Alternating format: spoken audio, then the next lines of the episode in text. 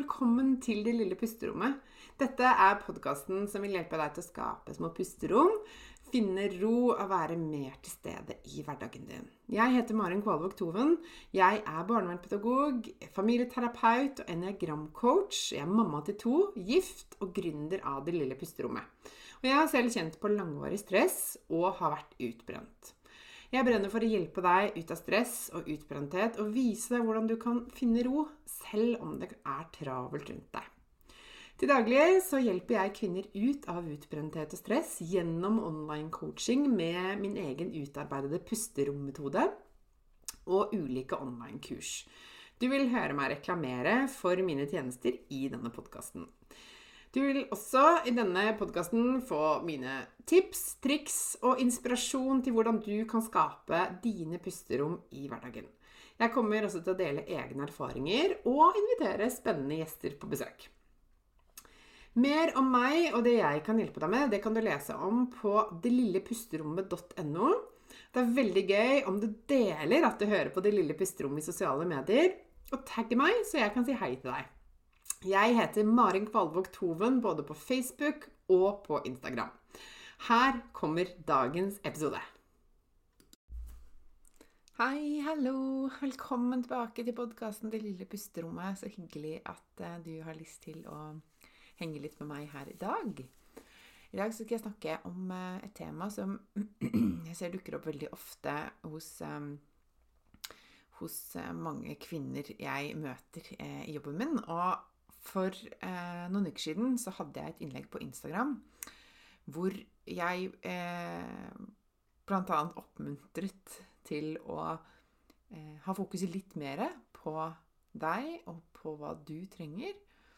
Og reaksjonene var så entydige, og svarene, kommentarene, meldingene, engasjementet jeg fikk, var så tydelig at jeg tenkte at dette her må jeg lage en egen podkastepisode om. Fordi at det alle svarte, alle som kommenterte, da Og dette vet jeg er ganske sånn eh, Av erfaring ganske talende for hvordan eh, tilstanden er, situasjonen er for veldig mange.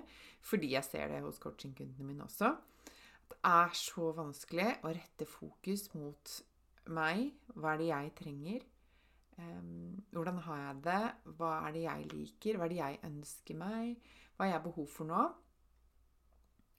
Eh, og jeg har lyst til å dele noen tanker om hvorfor, kanskje hvorfor det er sånn. Eh, og også gi deg noen tips til eh, hva du kan gjøre hvis du ønsker å gjøre det litt mer naturlig. Og, og eh, også ha litt fokus på deg selv. For kanskje er det sånn at du er veldig vant til å ha fokus på de du har rundt deg. Du er en omsorgsperson som fokuserer mye på hva andre trenger, hva andre forventer, hva andre ønsker, hvordan andre har det, hva du kan gjøre for dem. Eh, og er kanskje en god lytter som, og som på en måte tar inn mye av andres historier og situasjoner og sånn. Eh, og kanskje du eh, er veldig god på å se hva andre trenger av hjelp, og, og kanskje bidra med å hjelpe til med det, og at det, at det får deg til å føle deg bra. Um, og at det kanskje kan være noe av grunnen til at du over tid da har eh, satt deg selv litt til side og blitt litt borte. For hvis du Dette er et mønster hos deg, noe som går igjen hos deg, som gjør at du liksom Det er liksom din autopilot, som vi har snakket om i en tidligere episode.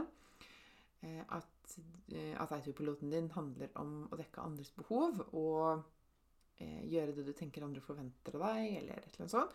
Så så eh, er det jo ikke så rart hvis du og ditt, det du trenger, blir satt til side og over tid blir liksom visket ut, eller liksom blir litt sånn mindre og mindre, og til slutt kanskje helt borte. Og da kan det være veldig vanskelig å rette fokuset mot seg selv.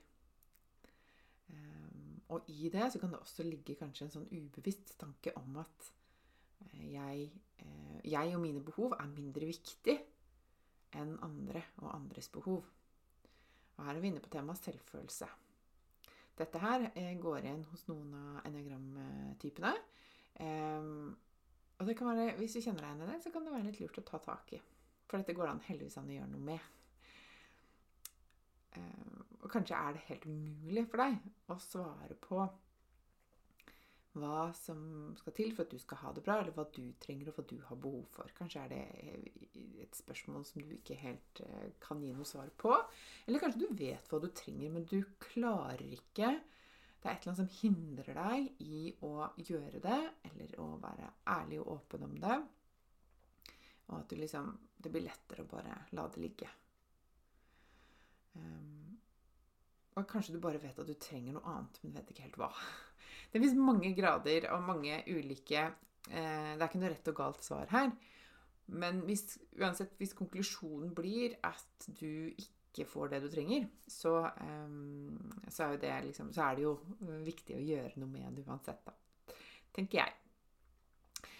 Eh, og da lurer jeg litt på Gir du deg selv lov til å kjenne etter? Til å ta deg selv på alvor og faktisk eh, gi deg selv lov til å fokusere på hva du trenger for å ha det bra? Eh, ja eller nei? Har du liksom Eller er det sånn at du bevisst eller ubevisst sier til deg selv at jeg, jeg, eh, jeg kan ikke det. Det er umulig for meg. Det er veldig vanskelig for meg. Det blir så slitsomt, det blir så krevende, det er så uvant. Men det kan ikke jeg. Det er ikke jeg noe god på. Eller kanskje du tenker Å, hva tenker andre om meg da? Eh, hvordan blir det for de andre? Da blir jeg til bry, eller da vil det bli en belastning for de rundt meg, eller da får ikke de det de trenger, eller kanskje kjenner på et kjempestort ansvar for å ivareta alle andre rundt deg, og, og at hvis du, hvis du ikke gjør det, hvem skal gjøre det da? Mange sånne tanker kan være med på å faktisk hindre deg i å eh, lytte litt til hva du trenger for å ha eh, en hverdag som fungerer godt. da. Eh, eller kanskje er du den typen som tenker at alt må være på stell. Hvis alt er eh, på plass og i orden og à jour, så kan jeg rette fokuset på meg selv. Og så skyver du på deg og på det du trenger, helt til du liksom har gjort alt dette på to do-lista di, eller til det ser strøkent ut rundt deg, eller et eller annet sånt noe. Og da er det kanskje ikke så mye igjen til deg når du kommer dit. Hvis du noen gang kommer dit, da. Og kanskje er du også liksom litt redd for at da blir du jo en helt annen person hvis du plutselig begynner å tenke på deg selv. Ikke sant? Uh, vi snakket om det her i en annen tidligere episode, om at kanskje du er redd for å virke egoistisk eller kynisk eller veldig selvopptatt eller et eller annet sånt. Uh, og det vil du jo ikke være, ikke sant? Så da blir det lettere å å sette deg selv litt til side, da. Og kanskje også kjenner du på masse dårlig samvittighet med en gang du liksom vurderer eh, om du faktisk skal eh, gjøre noe du har lyst til, eller noe du eh, har behov for. Noe som er bra for deg, og som, har, eh, som liksom bare gjelder deg, da. Alt dette her er jo massevis av grunner, og det fins enda flere. Dette er bare noen eksempler på hva som faktisk kan hindre deg i å eh, rette lyskasteren litt mer på deg og hva du trenger. Og dette kommer fra en som har gjort denne reisen selv.